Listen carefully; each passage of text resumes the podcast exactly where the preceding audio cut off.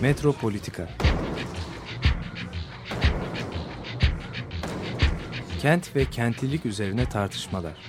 Ben oraya gittiğim zaman balık balık balık balık tutabiliyordum mesela.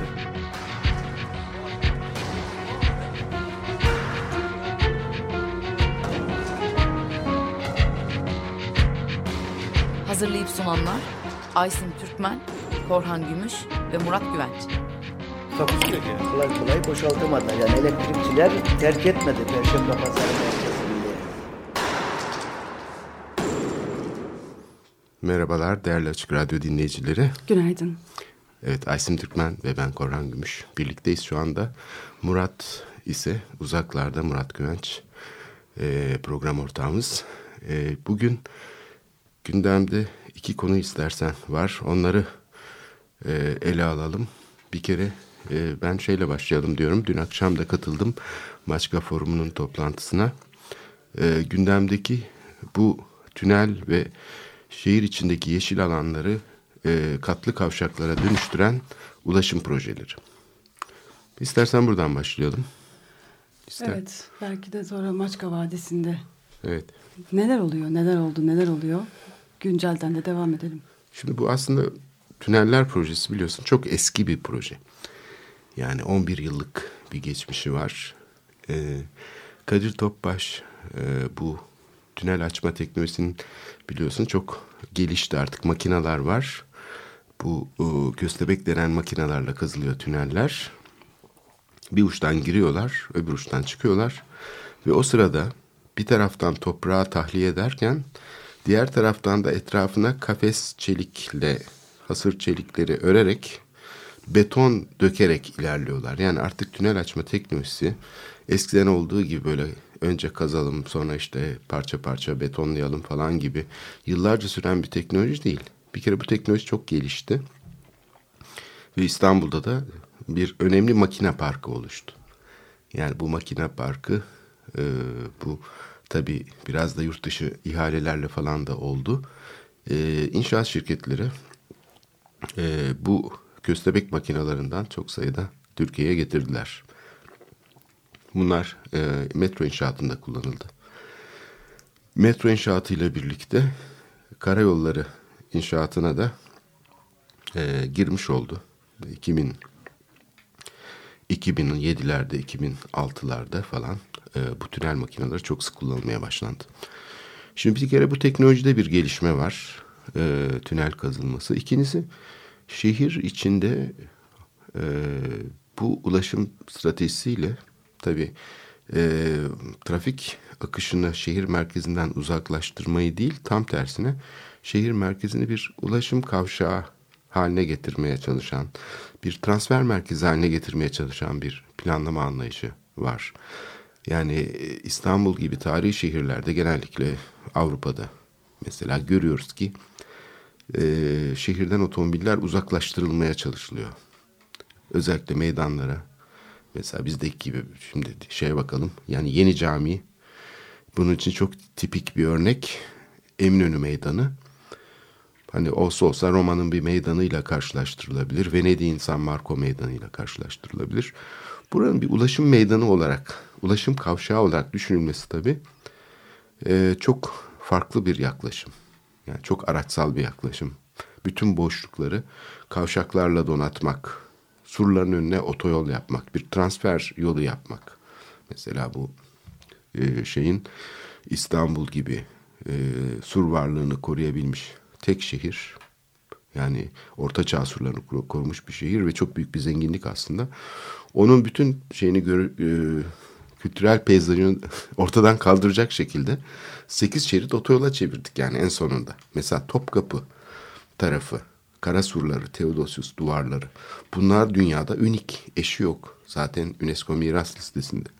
Bunların önüne böyle katlı kavşaklar, şeyler yani böyle hiç çekinmeden bunları yapabiliyoruz. Yani bu bölgeyi trafikten arındırmak şöyle dursun daha çok trafiği çekecek şekilde bir ulaşım şeyi haline getiriyoruz. Ee, cazibe merkezi ulaşım için otoparklarla, kat otoparklarıyla vesaireyle Avrasya Tüneli de şimdi. Avrasya Tüneli buna tuz biber ekti Taksiciler zaten. şu anda hani e, Evet. Avrasya Tüneli'nden bahsediyor yani. Evet. Şimdi doğrudan doğruya şeye bağlandı. Tarihi Yarımada'na bağlanan bir tünel.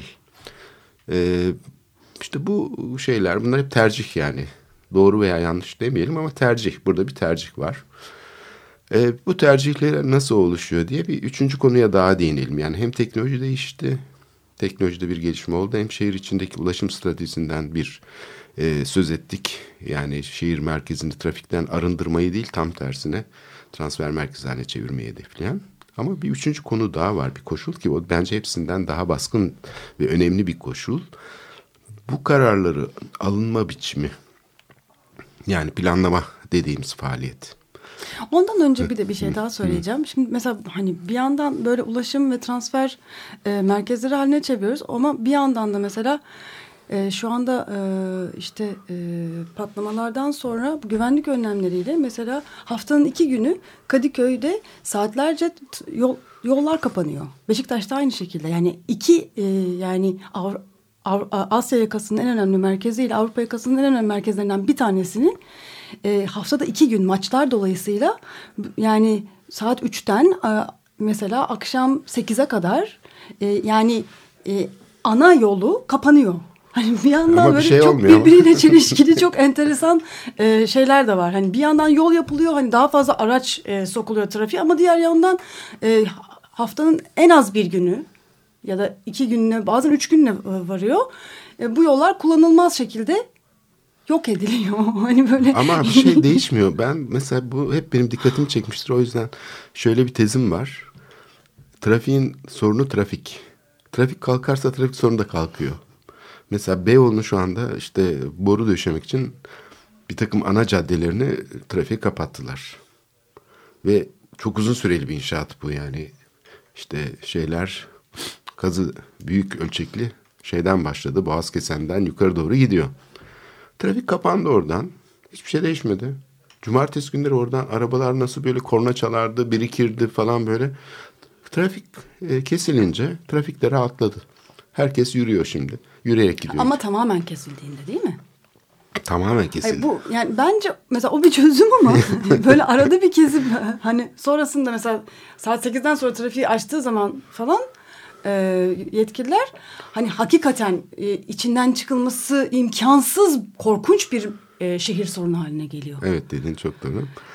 Yani çocuklar okula gidemiyor, itfaiyeler giremiyor falan gibi. Yani hani böyle gerçekten e, yani Barajdan sular bir- boşalmış gibi bir anda sel basmış gibi oluyor değil mi? e, açıklanabilir yani e, izah edilebilir tarafı kalmamış durumda. Yani polisler falan bizden özür diliyor yolu kapatanlar. Gerçekten hani bunu yapmak zorunda kalmak istemezdik falan şeklinde. Bu hale geldi yani. Evet. Çok kırılgan bir şey var. Ee, ne olacağı da belli olmuyor. Mesela saatlerce bazen kesilebiliyor bir yerde trafik falan. Birisi geçiyor, önemli bir kişi geçiyor diye falan. Yani boğaz trafiği böyle bir tuhaflaştı. Böyle şey noktaları var. Aman maç çıkışı, aman şu saat falan diye herkes korku içinde. Çıkışı değil. Maç başlamadan önce başlıyor. Maç bittikten e, bir süre sonra daha devam ediyor. Ama bir yandan da bunun hani e, var olan şiddet olaylarıyla olaylarını hiçbir şekilde engellemediği de görülüyor. Evet. Hani niçin neler yapılıyor? Hani yollar yapılıyor, kavşaklar yapılıyor, ulaşım arttırılıyor. Ama bir yandan ulaşım sürekli daha da fazla bir şekilde yani arena şimdi mesela yapıldı. Hani Beşiktaş e, sahası. Yani hani olacak şey değil gerçekten. Hani bir Kadıköy'de yaşayan insan olarak hani Beşiktaş'a da bunu, bu zulüm nasıl yapıldı? İnsan e, yani hakikaten çok üzülüyor. Gözü kapalı e, yönetiliyor bu şehir diye benim böyle bir de şeyim var. Çünkü sayeden Beşiktaş'taki yani ilk yapılış adıyla İnönü Stadyumu. e, sonra ne oldu? Dolmabahçe Stadyumu mu oldu? Adı ne oldu? Hep ismi değişti. Şimdi arena diye. Arena oldu şimdi. Geçiyor. Yani bu stadyum yani şehrin işte şey içinde yer alan o rekreasyon vadisinin bir parçası olan bir şehir stadyumu. Yani 19 Mayıs törenlerinin yapıldığı işte şeylerin olduğu e, konserler ve gösterilerin de yapılabildiği çok amaçlı bir stadyum. Ve çok da güzel bir mimarisi vardı yani sahiden o şeye uygun işte 1940'ların havasına çok uygun kapısı mesela üzerinde böyle şeyleri olan topuzları çoklu topuzları olan çok estetik bir yapıydı. Ve bir e, belgeydi yani sonuçta. Cumhuriyet döneminin bir belgesi. Sadece şey olarak bakmayalım, işlev olarak bakmayalım. İşlev olarak da tabii ki bir belge. Yani şehrin bütün e, şeyleri burada yapılmış, törenleri. Ama e, bu şeyin yani bu şekilde şehir hayatında kalması mümkündü. Yani stadyum yapmak için illa da şehrin merkezindeki bu stadyumu yıkmak gerekmiyor. Çünkü bu bir kapital. Yani elimizde bir birikim var. Bunun için bir para harcanmış zaten. Bunun için insanlar çalışmış. O taş ustaları o taşları yontmak için uğraşmış cephesindeki. O kapılar bayağı bir özenle yapılmış. Yani döneminin en iyi mimarlık örneklerinden biri. Yani şehrin çünkü bir prestij mekanı bu. Bu yapının önce işte ön cephesindeki şu kısmı koruyarak inşaatı yapacağız dediler. Çok klasik. Ama sonra o da olmadı çünkü uymadı yani şey birbirine. Ama ondan sonra işte bu AVM gibi bir şey yapıldı oraya. Şimdi bunu Bir tartışmaya restorasyon klasiği. çalışsak vay işte sen stadyum şeyine karşı mısın? Bu tuhaf bir şey milliyetçilikler var. Yani Türkiye'de bu mikro milliyetçiliklerin gelişmesinde spor çok önemli bir rol oynuyor. Hiçbir şey tartışılamıyor. Sanki o zaman hani Beşiktaş'ın şeyini engelliyormuşsun gibi oluyor. Halbuki Beşiktaş'a çok iyi imkanlar versinler. Bu şehrin en iyi eski spor kulübü yani işte çok dallı spor şeyleri faaliyetleri yürüten bir kulüp. Bu kulübe müthiş imkanlar sağlamalı tabii ki devlet yani sivil toplum kuruluşlarına sağlamalı, kulüplere sağlamalı ama buranın şeyi herhangi bir spor kulübünün işlevi değil. Burası ortak. Herkesin stadyumuydu. Yani şehrin stadyumuydu burası. Burası bir kulübün stadyumu değildi. Burada bir yanlışlık var. Yani bu şeyler konuşulmadan geçiliyor böyle. Bu arada e, yani sanırım Türkiye'nin en büyük stadyumlarından bir tanesi Atatürk Olimpiyat Stadyumu. E, bir non-place, yok yer halinde öyle kuşlar falan e, orada geziniyor. E bir de rüzgar alıyor falan ya orası Sadece. şey yani evet, yani orası standartları da uygun değil. Evet yani böyle yapıl mü- müthiş bir yatırım var Evet. ve orada o, o stadyumun yapılması ve etrafının düzenlenmesi için orada yaşayan e, yüzlerce insan evsiz bırakıldı. Evet. Ama şu anda yani Bir arkeolojik kalıntı hayvanlar bile neredeyse e, artık orada olmayı tercih etmeyecek bir hale geldi. Yani orası çok enteresan bir vaka. Yani, Yani işlevlendirmek için de devlet ona bir takım merkezi devlet kurumlarının şeylerini taşımış alt katlarını. Ee, çünkü içinde bir dolu da ofis var yani onun şeyler var idare binaları falan filan. Hani canlı tutmak için oraya bir şeyler taşımış fakat onlar da olmamış. Tam bir şey yani vaka. Ama yönlendirilmeyle de ilgili yani hani şehrin ya- yani altyapısının, insanların, e, futbol camiasının nasıl yönlendirildiği de çok önemli. İşte yönetim zaten bu demek herhalde. Yani sadece bir yere hani inşaat yapmak, yönetmek olmuyor herhalde. İşte burada çok önemli. Yani inşaat yaparken ön araştırması da yönetimin bir parçası herhalde. Orada ne kadar tutar, nereye ne kadar yatırım yapılmalı? Yönetimin bin En bir önemli, veçesi. en bence. önemli şey budur herhalde değil mi? Bir binayı yaparken şeyi düşünürsün. Bakalım ben bunu ihtiyacımı karşılayacak mı diye düşünürsün. Yani bu çok basit bir şeydir. Bakkal hesabı yani ben şu kadar para harcıyorsam onun karşılığında bu bina bana ne sağlayacak? Mesela Sütlüce'deki kongre merkezi 25 sene falan sürdü. 20 sene sürdü inşaatı. Yani dünyanın en pahalı kültür merkezi oldu. Sonra kongre merkezine çevrildi çünkü iş yapamıyor diye. Ve çok az kısmı kullanılabiliyor. Çoğu zaman boş. Buna benzer o kadar çok şey var ki mesela Yeni Kapı'daki miting alanı. Senede birkaç kere kullanılıyor. Kullanım için de işte oraya otobüslerle falan gidilecek. Böyle büyük bir organizasyon yapmak gerekiyor. Yani öyle e, küçük kullanımlara uygun bir yer değil. Kocaman bir arazi dolduruldu. Yani şimdi bu bunların yani bir hesabı yapılmıyor herhalde. İstanbul Kongre Merkezi Lütfü Kırdar. Lütfi Kırdar değil e, yanındaki yani daha büyük olan sonradan inşa edilen e, birçok salonu kullanılmıyor şu anda. Yani bunun gibi e, çok şey var. Mesela diyelim ki gene Lütfi Kırdar'dan söz ettik. Onun önündeki e, granit kaplı alan İstanbul'un en önemli manzara teraslarından biri. Bomboş. O- onun altında da tamamen trafikten kesilmiş yani trafik alanı olarak değil bir platform olarak aynı Taksim'de yapılmaya çalışıldığı gibi Açık Hava Tiyatrosu'nun arkasında muazzam bir granit kaplı alan var ve bir Allah'ın kulu yok. Gündüz vakti oradan geçerken insanlar Ya ben geçerken korkuyorum çünkü kimse yok. Orası öyle değildi ki. Tekinsiz mekanlar olmuş Evet. durumda. Yani hani bu kadar cıvıl cıvıl mekanların üzerine betonu e, yığarak bir de hani tekinsiz hani hakikaten insanın e, korktuğu gündüz vakti korktuğu gece zaten ben mesela Lütfü Kırdan oradan geçemem. Oradan artık geçilmez. Geçemem. Ben çok iyi hatırlıyorum. Öğrenciyken e, şehir e, şeyinin yani bu çok amaçlı salonun olduğu spor ve sergi olsun, açık hava tiyatrosu olsun. Gece biz orada sabahlardık. Evet öğrenciler olarak orada buluşurduk ve oturup e, mehtabın doğuşunu seyrederdik. Eğer çok geç çıktıysak bir yerden hiç çekinilmezdi. Çünkü gayet güvenli bir yerdi. Şimdi gündüz vakti oradan geçmek ürkütücü. Böyle filmlerde falan şey vardır. Hani böyle bir ses gelir, rüzgar sesi falan. Terk edilmiş bir şehir. Bu kadar kalabalık bir şehrin içinde şehrin merkezi bomboş ve dünyanın parası harcanmış. Şimdi bir, bir başka bir alternatif bir şeyden de bahsetmek istiyorum. Tam da bu bahsettiğimiz mekanda gerçekleşmiş olan bir e, büyük etkinliğe gittim ben. Lütfü Kırdar'da. E, bilmiyorum e, eminim dinleyicilerimizin arasında da vardır. E, bu bilgisayar oyunu oynayan, e, video oyunu oynayan kesin vardır. Ama özellikle tabii e, 2-7 Şubat arasında oldu. Çünkü okullar tatildi, tatile denk getirildi ve Gaming İstanbul yani bilgisayar oyunları fuarı oldu.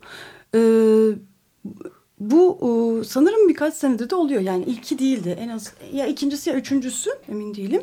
E, ve bu arada Lütfü Kırdar da ikincisi oluyormuş aynı sene içinde. Başka bir fuar da daha küçük bir salonda olmuş. Ama yetmemiş anladığım kadarıyla salon. Çok çok daha en büyük salona gelmiş oyun fuarı. E, ve e, kapıda e, yüzlerce kişi kuyruktu.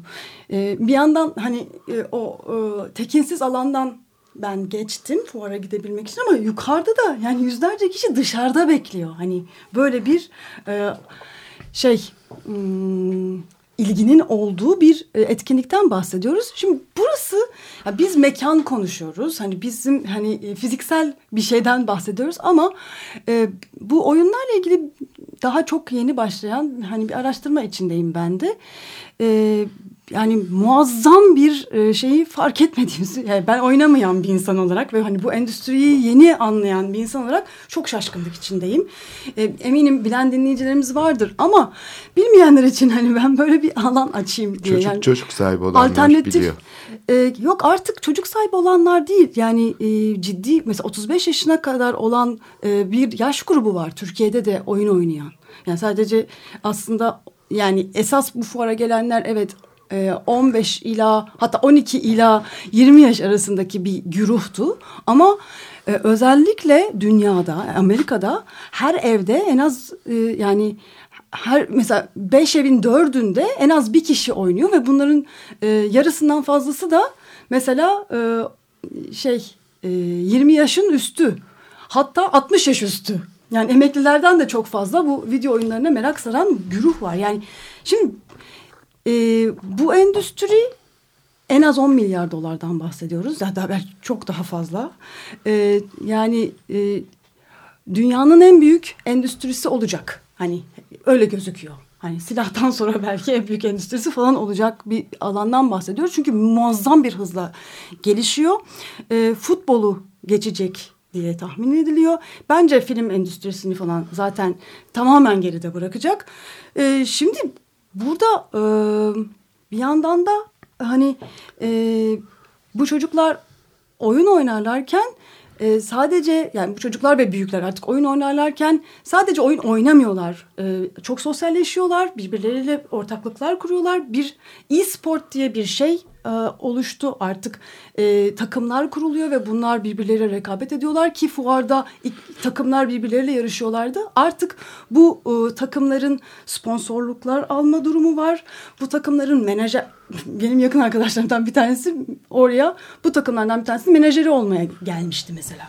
Hani bahsettiğimiz şey bugün olimpiyatlara büyük ihtimal yani 5-10 sene içinde olimpiyatların önemli bir parçası e-sport olacak. Şimdi bu yani burada bizim mekan algımızla da ilgili çok bambaşka bir şeyler dönüşecek. Çünkü bu kadar büyük bir endüstri oluyorsa mekan algısı da yeniden şekilleniyor demektir. O yüzden artık hani pek kayıtsız kalamayacağımız bir alan olduğunu ben e, ciddi bir şekilde e, fark ettim. Bu arada fuarın en önemli sponsorlarından bir tanesi 120 milyarlık ödüllü yarışmayı sponsor eden e, Çin'in en büyük oyun firmalarından bir tanesiydi. E, Tencent firması. Ben daha önce duymamıştım. E, ama herhalde Çin'in en büyük firmalarından bir tanesi. Türkiye'deki etkinliği mi sponsor Evet. ediyor? Yani Türkiye'ye ilk giriş yapıyordu Vay bu canına. firma. Evet. 120 milyar lira ve 5 milyon dolar e, yatırımla bu sene şimdi giriyorlar yani bugünden itibaren giriyorlar. Fuar bitti ve giriyorlar Türkiye'ye. E, ve yani bu arada dünyada girdikleri Çin dışında ilk yer Türkiye. Onu da anlattılar. Ee, neden diye sordum ben birazcık da konuşma fırsatı oldu. Çünkü e, Çin pazarına çok yakın bir pazar var Türkiye'de dediler. Neden yani niye bu böyle? Ee, telefon bu orada telefon oyunuyla giriyorlar. Yani bilgisayar oyunu ve şey değil. Telefon telefonda oynanan bilgisayar oyunuyla giriyorlar ve e, Türkiye'deki telefon kullanıcısı Dünyada Türkiye evet. Onu hatırlamıyorum söylemişlerdir mutlaka Facebook ama. ve Twitter'da dünyada ikinciymiş Türkiye. Bunu biliyor musun? işte o yüzden giriyorlar. Birincisi Çin'dir zaten. evet. kesinlikle. Buradan Avrupa'ya tabii gidecekler ve Amerika'ya da gidecekler. Yani burası bir hani e, yol aç, açıyorlar kendilerine. Ama burada bir görecekler. Hani bu pazarda neler oluyor bunu görecekler. Ee, ya bu arada mesela benim kullandığım telefon ki geçen ay aldım. O oyunu oynayamıyor. Ha, yani olsun. bayağı gelişmiş bir teknolojide bir telefonum olduğunu düşünürken yok sizin telefonunuzla oynayamazsınız dedi. En son model telefonlarla ancak oynanabilecek bir oyundan bahsediyoruz.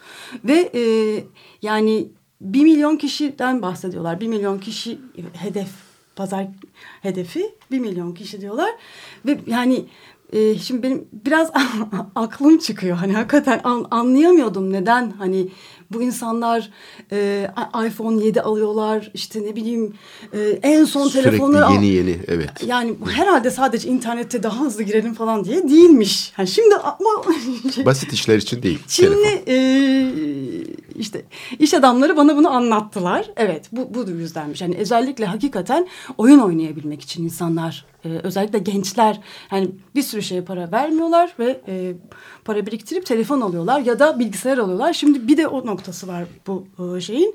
Bu e, bilgisayar oyunları teknolojisi bizim bildiğimiz bilgisayardan da bağımsız inanılmaz büyük bir teknoloji. Zaten e, hani bu teknoloji sayesinde bugün bazı telefon firmalarının bu hale geldiklerini de e, söylüyorlar. Çünkü çok akıllılık edip bazı firmalar, büyük firmalar, marka vermeyeyim burada ama bu firmalar e, oyun için özel tasarlanmış diye pazarlıktaki halbuki çok da büyük bir şey yok. Hani özel bir özelliği olmasa da bu ekranlarla mesela oyun pazarına girerek aslında marka e, adlarını geliştiriyorlar, büyütüyorlar ve şu anda dünyanın en büyük telefon markası mesela o haline Evet bu geliyor. bilgisayarlara da yansıyor. Çünkü ben yani bu bilgisayar değiştirirken ya da yenilerken hep bir tuhaflıkla karşılaşıyorum. Oyun mu oynayacaksınız diye soruyorlar. Yaşıma bakmadan. Şimdi ya da oyun Yok, oynayacak birisim yani- var diye. Hayır artık senin de oyun oynaman Ben de gayet şaşırıyorum. normal. Ne diyeceğimi şaşırıyorum. Çünkü ona göre bilgisayar verecekler yani işte şey yapacaklar, yol gösterecekler diyelim. Mesela tanıtırken bir bi- bilgisayar hep canavar diyorlar. Ne canavar diyorum? Oyun Oyun, canavarı. ya diyorum ben oyun oynamıyorum hani. Ama bu çok işte yani oyunla ölçüyorlar. Yani bisiklet şeyleri vardır yani böyle bisikletin hafifliğiyle ölçülür işte falan. Bilgisayar da oyunla ölçülüyor. Ve e, ya mesela ben şeyi de hep merak etmişimdir. Niye biz hani mesela hani ayda bir, iki ayda bir sürekli upgrade etmek zorundayız? Bu da oyunlarla ilgili bir şeymiş. Yani oyunlar çünkü sürekli upgrade ediyorlar. Onu, yani sürekli oyuncular bunu istiyorlar, talep ediyorlar ve bilgisayarlar da o yüzden bu teknolojiye ayak, ayak uydurmak için üreticiler hani sürekli programları upgrade etmek, bilgisayarları daha yükseltmek durumunda kalıyorlar. Böyle yani e, Evet, yani bambaşka bir hıza gelmiş gelmiş bir teknolojiden bahsediyoruz. Eğer oyunlar olmasaydı diyorlar mesela biz büyük ihtimalle hani 5-10 sene önceki bilgisayar teknolojisinde devam ediyorduk diyorlar. Hani mesela yani bu da çok Yani enteresan. motive eden şey oyunlar oldu. Bilgisayar teknolojisi ve telefon tabii asıl. Ee, e, te- oyunlar daha fazla olabilir. Yani gerçekten hani benim biraz e, şaşkınlığıma verin ama yani o kadar şaşırdım ki hani e, böyle bir şey bir kaçırmış olmaktan dolayı da e, hani şaşırdım. Ki üstelik de çok ilgilisin. Hani ilgili olduğun bir alan.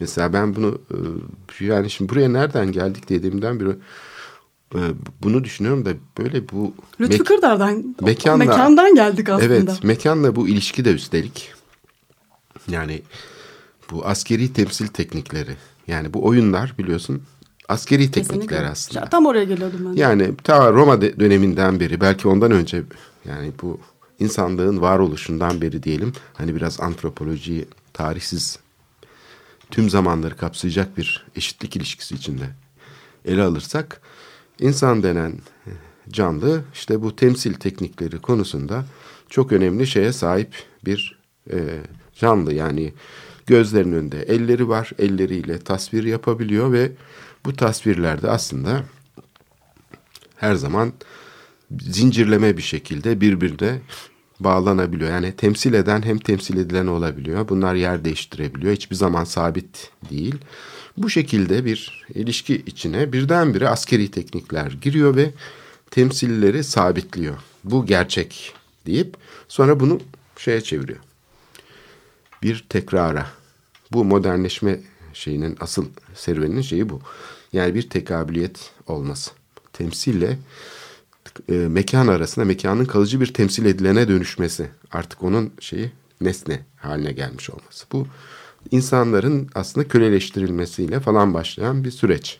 Bizim mekan kavramımız aslında köleleştirmeden kalma. Şimdi bu senin söylediğin olay bu ilişkiyi yıkıyor. Ters yüz ediyor. Ters yüz ediyor. Yani bu temsil ilişkisi tam tersi ne?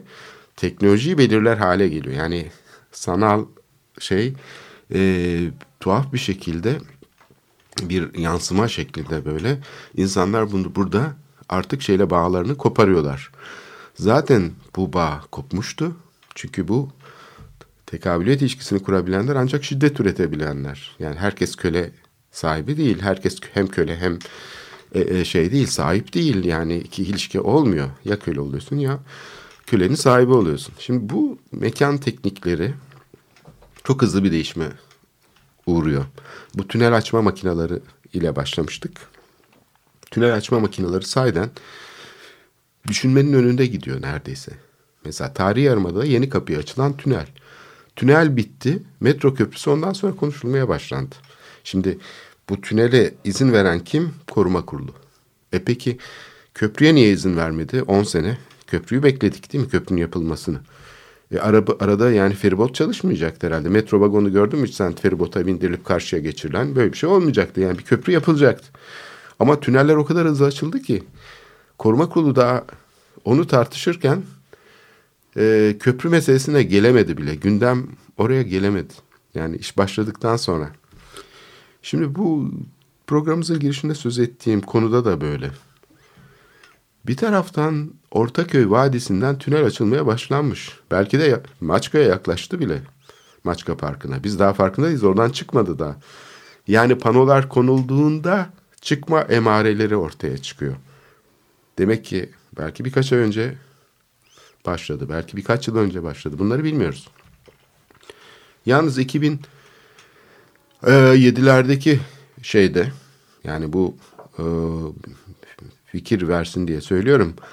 Fulya'dan çıkması da planlanıyormuş. Şimdi doğrudan doğruya Ortaköy'den çıkıyor. Yani daha öncekinde Beşiktaş'ın hemen arkasında Fulya Vadisi'nden de tünelin bir ağzının çıkması hedefleniyormuş. Şimdi bu Maçka Parkı'ndaki olay aslında e, çok geç tartışılmaya başlandı.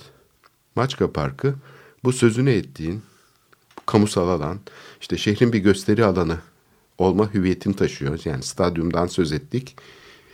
Buradaki sergi alanlarından söz ettik. Yani senin söz ettiğin fuar aslında çok köklü bir geçmişi olan bir kullanım biçimi. Şehirdeki bütün yenilikler burada sergilendi benim çocukluğumdan beri. Şimdi de öyle. Uzay kapsülü. Gaming İstanbul'da şehirdeki en önemli, Evet. en, en ileri teknoloji. Yani Tırnak bunlar gidip de şeyde sergilenemezdi o tarihlerde. Ee, olimpiyat stadında sergilenemez. Yani şehrin böyle bir şey vardı. Yani bir merkeze ihtiyacı var ya da bir gösteri alanına. Yani bütün bu uzay kapsüllerinin geldiğini ben hatırlıyorum çocukken. O meşhur Soğuk Savaş dönemindeki yarış içinde tabii Amerikalılar e, Ruslardan da biraz geri kaldıkları için uzay kapsüllerini Ama işte dolaştırıyorlardı da şehir şehir. Bir yandan da şey var yani hakikaten böyle bir yönlendirilme de durumu söz konusu. Yani mesela o çocukların hani e, mesela bu arada e, hani şimdi e, yaşam alanları denilen şey nasıl oluyor artık? Hani yeni jenerasyon nasıl yaşıyor? Mekanı nasıl kullanıyor? Nasıl bir kullanıma Evet. doğru sürükleniyor? Hani bir yandan sürükleniyor bir yandan kendileri de talep ediyorlar. Bu iç içe gelişiyor aslında. Ee, yani mesela senin e, demin bahsettiğin e, işte Maçka Parkı'nda biz sabahlardık. Orada böyle eğlenirdik. Yani yeni jenerasyon e, bir yandan hani tamamen sanal bir alemde var oluyormuş gibi mekan olarak artık bilgisayar, telefon, hani e, sosyal medya şey, orada var oluyor. Ama diğer yandan da hani bu çocuklar öyle kıyafetlerle gelmişlerdi ki yani gerçeklikle o ilişki bambaşka şekillerde üretilebilir. Her noktada yani mesela bu gaming alanında da ne kadar yaratıcı olunabileceğine dair de çok ipuçları vardı. Yani o alanı e, öyle bir düzenlemiş olsalardı o fuar alanı yani tamamen aslında sanal e, virtual reality'de geçmesi gereken alan çocukların o kıyafetleri ve performatif tavırlarıyla yani çok canlı ve renkli bir hale de getirilebilirdi. Hani bu, bu imkanlar her e, noktasında hayatın var. Ama öyle bir alan e, var ki yani e, çocuklar mesela kongre sarayının dışında bile duramadılar. Hemen içeri girmek durumundalar. Bir defa çok esiyor hani böyle bir, bir hani rahatsızlık veren hani hiçbir hani korunaklı bir noktası yok. Hani zaten tekinsiz. Ha, içeri e, hani yoğunlaştırılıyorlar ve o içeride de sadece hani bazı e, oyunlar daha fazla revaçta ve onlar pompalanıyor.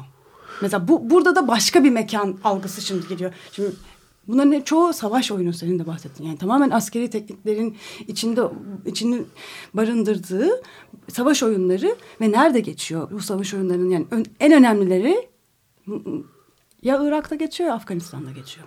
Yani her e, her köşede cami resmi görüyorsunuz bazı oyunlarda mesela. Öldürdüğünüz e, insanlar e, e, yani çoğunlukla Arap teröristler. Yani siz e, kimsiniz? Ya Amerikalısınız ya Avrupalısınız ya o tarafı beyazsınız. görmüyoruz. Kendimizi koyduğumuz yer. Yok ya- yani Evet. sanırım bunlar da var. Var Yani mı? Evet. Seçiyorsunuz da yani bir tarafı oluyorsun. terörist, terörist olmayı da seçebiliyorsun galiba ama yani oran herhalde azdır diye düşünüyorum. Evet. Genelde terörist avlıyorsun yani böyle hani e, mekan olarak kesinlikle Orta Doğu yani çoğu Orta Doğu'da geçiyor. E, yani böyle hani e, bir savaş e, dünyası mekanı alanı yaratılıyor ve burada bildiğimiz var olan e, önyargıları e, hani yeniden yeniden mekansal alanda sanal mekanda tekrar tekrar üreten bir algı yaratılıyor ve hani bu kongre sarayının dehlizlerinin içinde yer alıyor. Hani mekanı düşünürken artık hani hakikaten bin bir boyutta bunu görmek bu şekilde eleştirilerimizi ve yaklaşımlarımızı yapmamız gerektiğini düşünüyorum.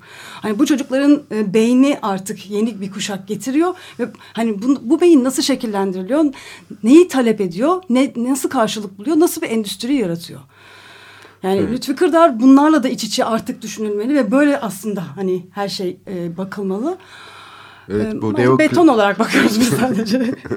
Ya bu neoklasik şehir algısı tamamen parçalandı. Yani o şeyi şehri bir bütün olarak bir eşyaymış gibi böyle sanki mimari bir tasarımmış gibi tasarlayıp e, şekillendirecek bir şeyin ürünü aslında. Tabii ki bu Prost Vadisi dediğimiz yaklaşım. Yani sonuçta e, dünyadaki bütün bu neoklasik şehirler böyle tasarlanmaya çalışılmış. Surlar yıkılmış. işte Ortaçağ şehri dönüştürülmüş biraz gecikmiş bir şekilde ama işte İstanbul'da da böyle bir şey kazandırılmış. Çok da akıllıca bir yaklaşım. Çünkü şehrin merkezinde sahiden böyle bir e, şeyin kamusal alanın sadece rekreasyon alanı değil. Yani bu çok işlevli bir kültürel alan. Yani şehrin kendisini yeniden üretmesini sağlayacak bir şey.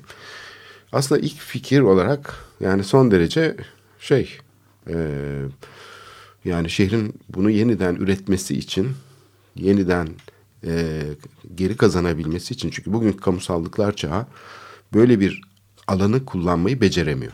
Çünkü çok fragmente olduğu için orayı Park ve Bahçeler Müdürlüğü mü yönetecek? Zabıta mı yönetecek? Çevik kuvvet mi yönetecek? Özel sektör mü yönetecek? Hiçbir şey belli değil. Karma karışık bir alan haline geldi bu alan. Sonunda burayı bir boşluk olarak değerlendirdiği için Büyükşehir Belediyesi yani kendi kurumsal varlığının belki temelini oluşturan bir kamusal alanı önemli bir parçasını işte bu Maçka Vadisi'ni ahtapot gibi bir kavşakla doldurmayı ve oradan bir ulaşım çare, çözümü geliştirmeyi e, planlamış. Şimdi ben hani teknoloji gelişiyor tamam çok güzel böyle kurgular yapılabiliyor mesela işte şehir hakkında herkes bir hayal kurabilir tabii ki yani bunda hiçbir şey yok.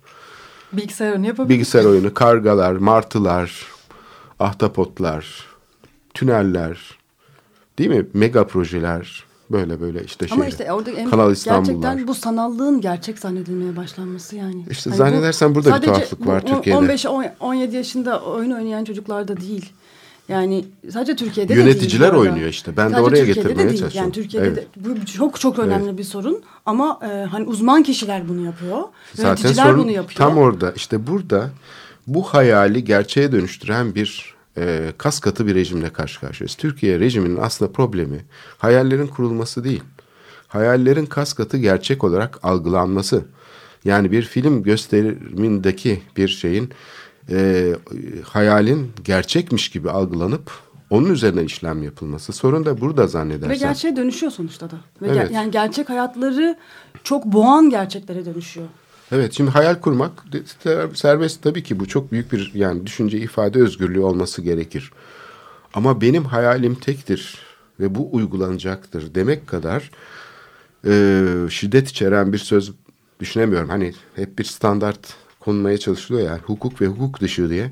Eğer hukuk dışı olacak bir şey varsa yani o hani terörden söz ederken mesela bu bir tek şu şekilde olabilir.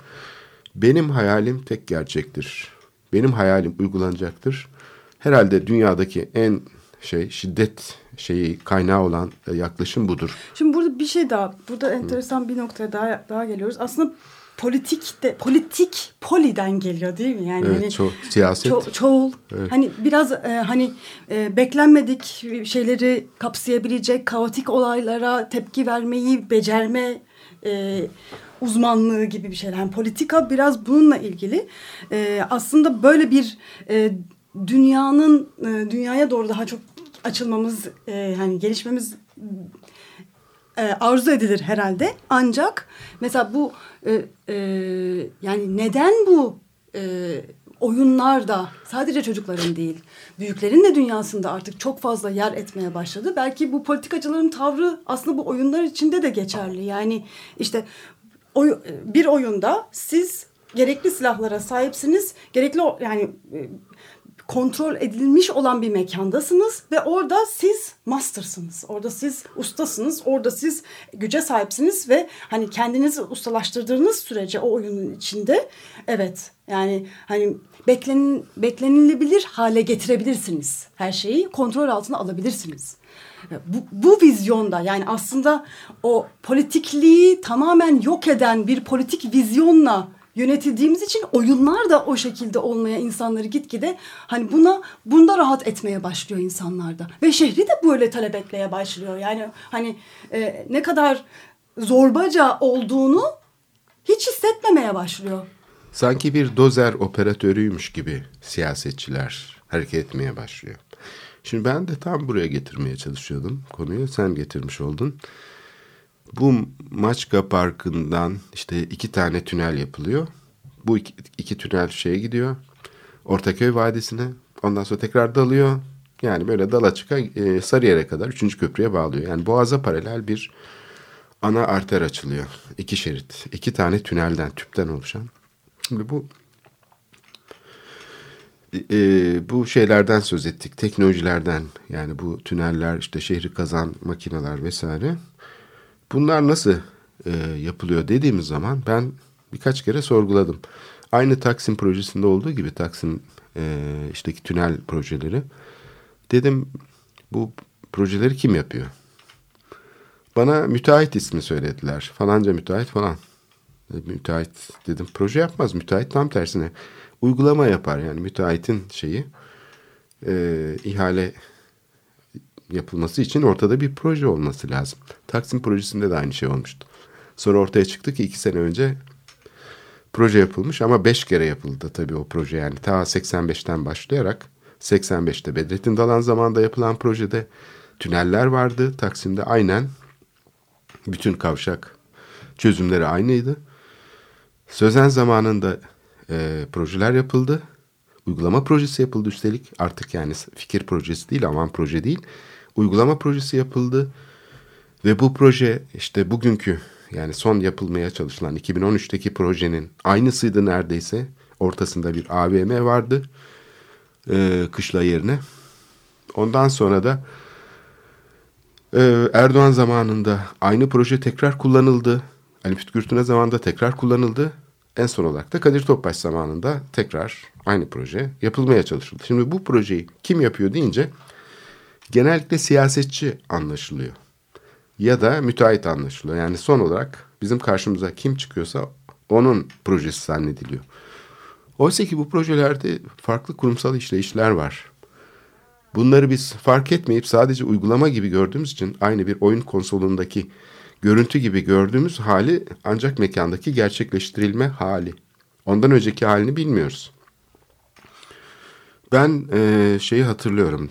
90'lı yıllarda bu Taksim projesi tekrar gündeme geldiğinde tartışmalar yapıyorduk. Ve o zamanki BD başkanı kızgın bir şekilde e, beni şey yaptı, aradı ve bizi eleştiriyormuşsun. Hani ne yapıyoruz bakalım. Bu Maçka'daki parkı da e, betonlamışlardı. Onu da eleştirmiştim. Maçka Parkı'nın ortasına kocaman bir ale yaptılar. İşte o süslü süslü komik şeyleri koydular. Beton şeyler, restoranlar, bilmem neler içine sanatçı kahvesi de güya yaptılar. Bambaşka bir şey oldu.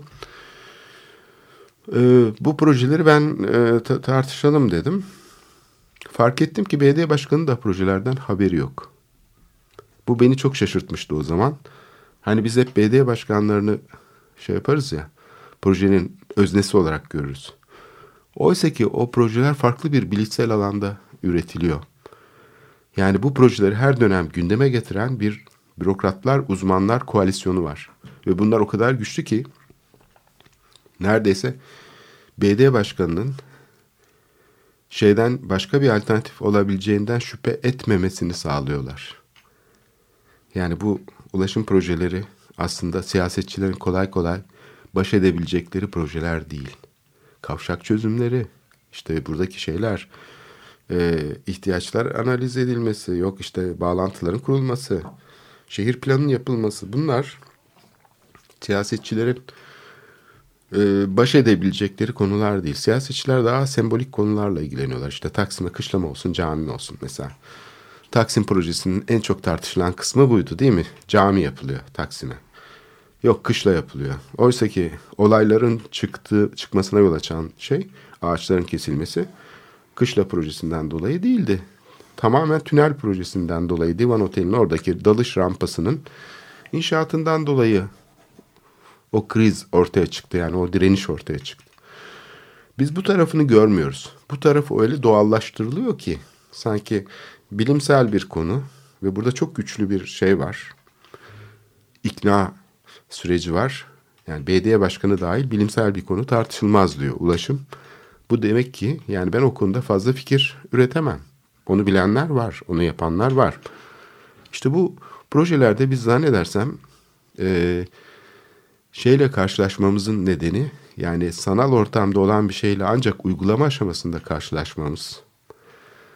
Hani bu şey filmi vardı Lut'un gazabı mı neydi? Hani terk ederken şehri geri dönme diyor bakma diyor falan. Biz hep Lut'un karısı gibi ancak eli değdiği zaman böyle bir gücün ona bakarak muhalefet yapmaya çalışıyoruz. Bu da çok eşitsiz bir ilişki. Çünkü o sanal ortamda gerçekleşen şeyler, kurgular vesaireler o kadar e, şeylerle işliyor ki yani muazzam kaynaklar kullanılıyor. Muazzam uzmanlar çalışıyor. Yani Taksim projesinin mesela ulaşım altyapısı için çalışan kişiler aynı zamanda Fındıklı'daki işte şu anda yapılmakta olan projenin de aynı tabelada aynı kişiler, Maçka Parkı'nda yapılmakta olan projede aynı şirketler ve kişiler. Yani bu kişiler ve bu şeyler muazzam ekipler harıl harıl çalışıyorlar. Biz bunları görmüyoruz. Onların ekranlarında neler gelişiyor, hangi fikirler gelişiyor biz bunları görmüyoruz. Hatta çoğu zaman siyasetçiler bile sonradan haberdar oluyor. Yani bu çalışmalar yürürken diyelim ki biz bir şeyden e, fark ediyoruz. Diyelim ki tünel meydanında bir metro girişi ve havalandırma binası yapılacak. Sabah çıkıyorsun metrohan önündeki şeyden iki buçuk metre önünde dört metre yüksekliğinde bir duvar olacak. Onu fark ediyorsun. Hemen o sırada müdahale edip projeyi değiştirmeye çalışıyorsun. Oysa ki projeyi hazırlanalı üç sene olmuş, beş sene olmuş. İhalesi yapılmış. İhale aşamasında haberdar oluyoruz. O yüzden müteahhitlerle hep karşı karşıya kalıyoruz. Bu çok eşitsiz bir ilişki. Yani bir tarafta bir askeri güç var. Öbür tarafta da sivil insanlar. Askeri bilimsel. Evet. Yani sadece yani şey gibi aslında oyunlar gibi askeri e, şey e, eğlence sektörü gibi askeri bilimsel sektör bu ya askeri teknoloji Ama arayüzü yok. Tamamen yani başka bir alanda gerçekleşiyor ve hani demokrasiden söz ediyorsak hani demokrasinin temel prensibi nedir? Okumuş yazmışlarla cahil insanlar falan diye bir ayrım yoktur demokrasilerde. Ama burada tam da o ayrımın üstüne kuruluyor. İktidar yani işte bir takım insanlar bu arayüzlerin üzerinde işlem görüyor. Öbür insanlarsa buna asla erişemiyor. Şimdi bu e, şeydeki projenin bu ahtapot gibi bir kavşağın Dolmabahçe'de zaten bir tarafı gitti. Yani Prost Vadisi dediğimiz o yeşil alanın bir kısmını Kağıthane'ye uzanan, Silahdara'ya uzanan tünelle birlikte gitti. Ama öbür taraf, öbür taraf bir vadi olarak duruyor. Yemyeşil bir vadi. Şimdi sıra oraya geldi. Dolayısıyla biz şeye baktığımız zaman Dolmabahçe sırtlarına bu kültürel peyzajın tamamen ortadan kalkacağını görüyoruz. Bu şehrin şeyinin tamamen hani ismini değiştirmek gibi bir şey. Yeni bir kurmak gibi bir şey. Bir oyun gibi oyun. Yani şey e, bu oyunlarda da şey var ya hani e, bildiğin bir dünya var. Orada ustalaşıyorsun, orayı anlıyorsun ve fethediyorsun. Hani aslında şehre de gerçekten hani e, metafor gibi oldu bu program ama e, bir sadece bir oyun gibi bak bakıyoruz bir yani. ustalaşanlar var. Biz, biz ustalaşanların sadece müteahhit kısmını görüyoruz. Ya da sadece sembolik olarak siyasetçiyi görüyoruz. Yani sanki o oyunun yaratıcısı oymuş gibi. Oysa oyunun yaratıcısı arkada gizli.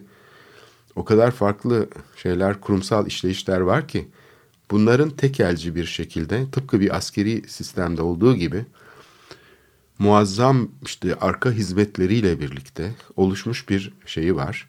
Ve bu bize sadece ve sadece şehir üzerinden bir arayüz oluşturuyor. Oysa ki demokrasi yani taş toprak üzerinden değil tamamen kurgu üzerinden gerçekleşen bir şeydir. Uygulama üzerinden değil. Uygulama üzerinden gerçekleşen şey o, yani taş devrinde falan olabilir herhalde.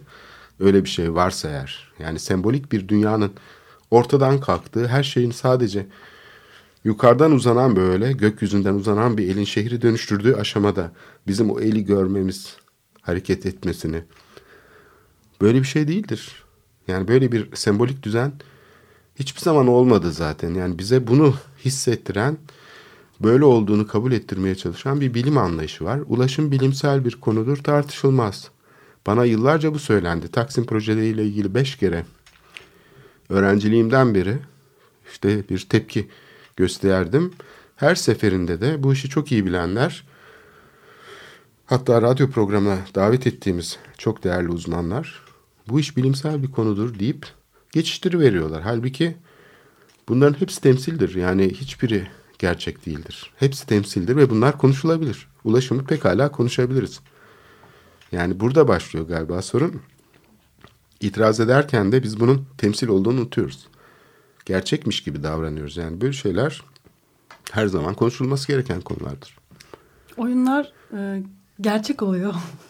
Ve burada çok büyük bir tehlike var hayatlarımızın üstünde. Yani böyle dediğin gibi bir e, bir el hayatlarımızın üstünde de duruyor ve hani eziyor neredeyse. Hani gördüğümüz yönetim e, şeklinin daha ötesinde bir elle eziliyoruz aslında. Evet bugünkü işte e, liste tekrar yayınlandı.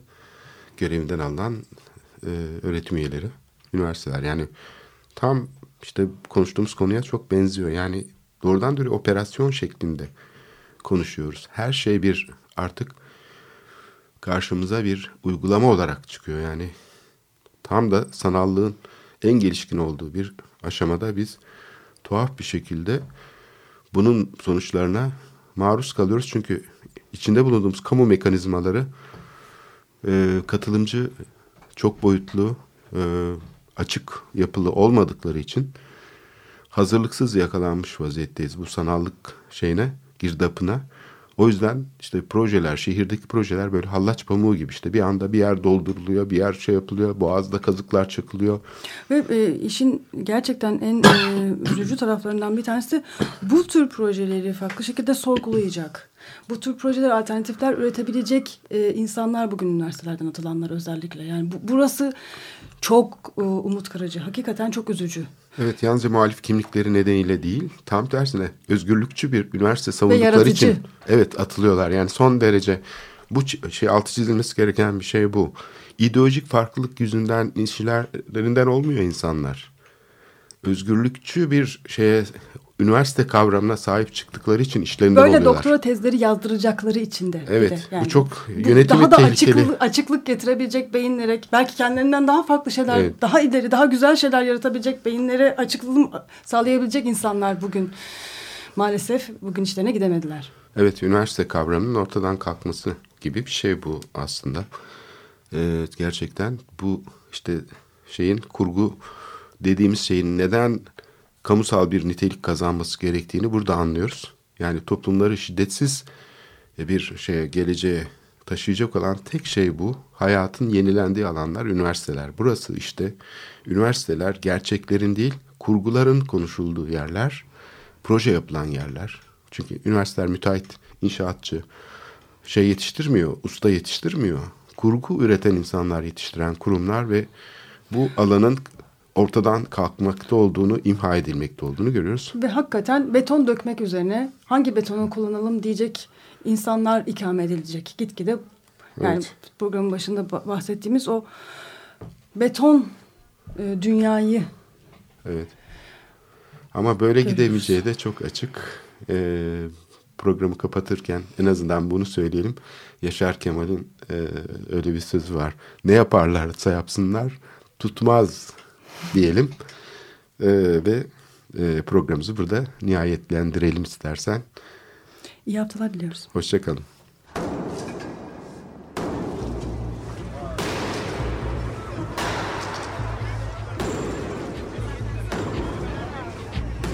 Metropolitika Kent ve kentlilik üzerine tartışmalar. Ben oraya gittiğim zaman balık balık balık balık tutabiliyordum mesela.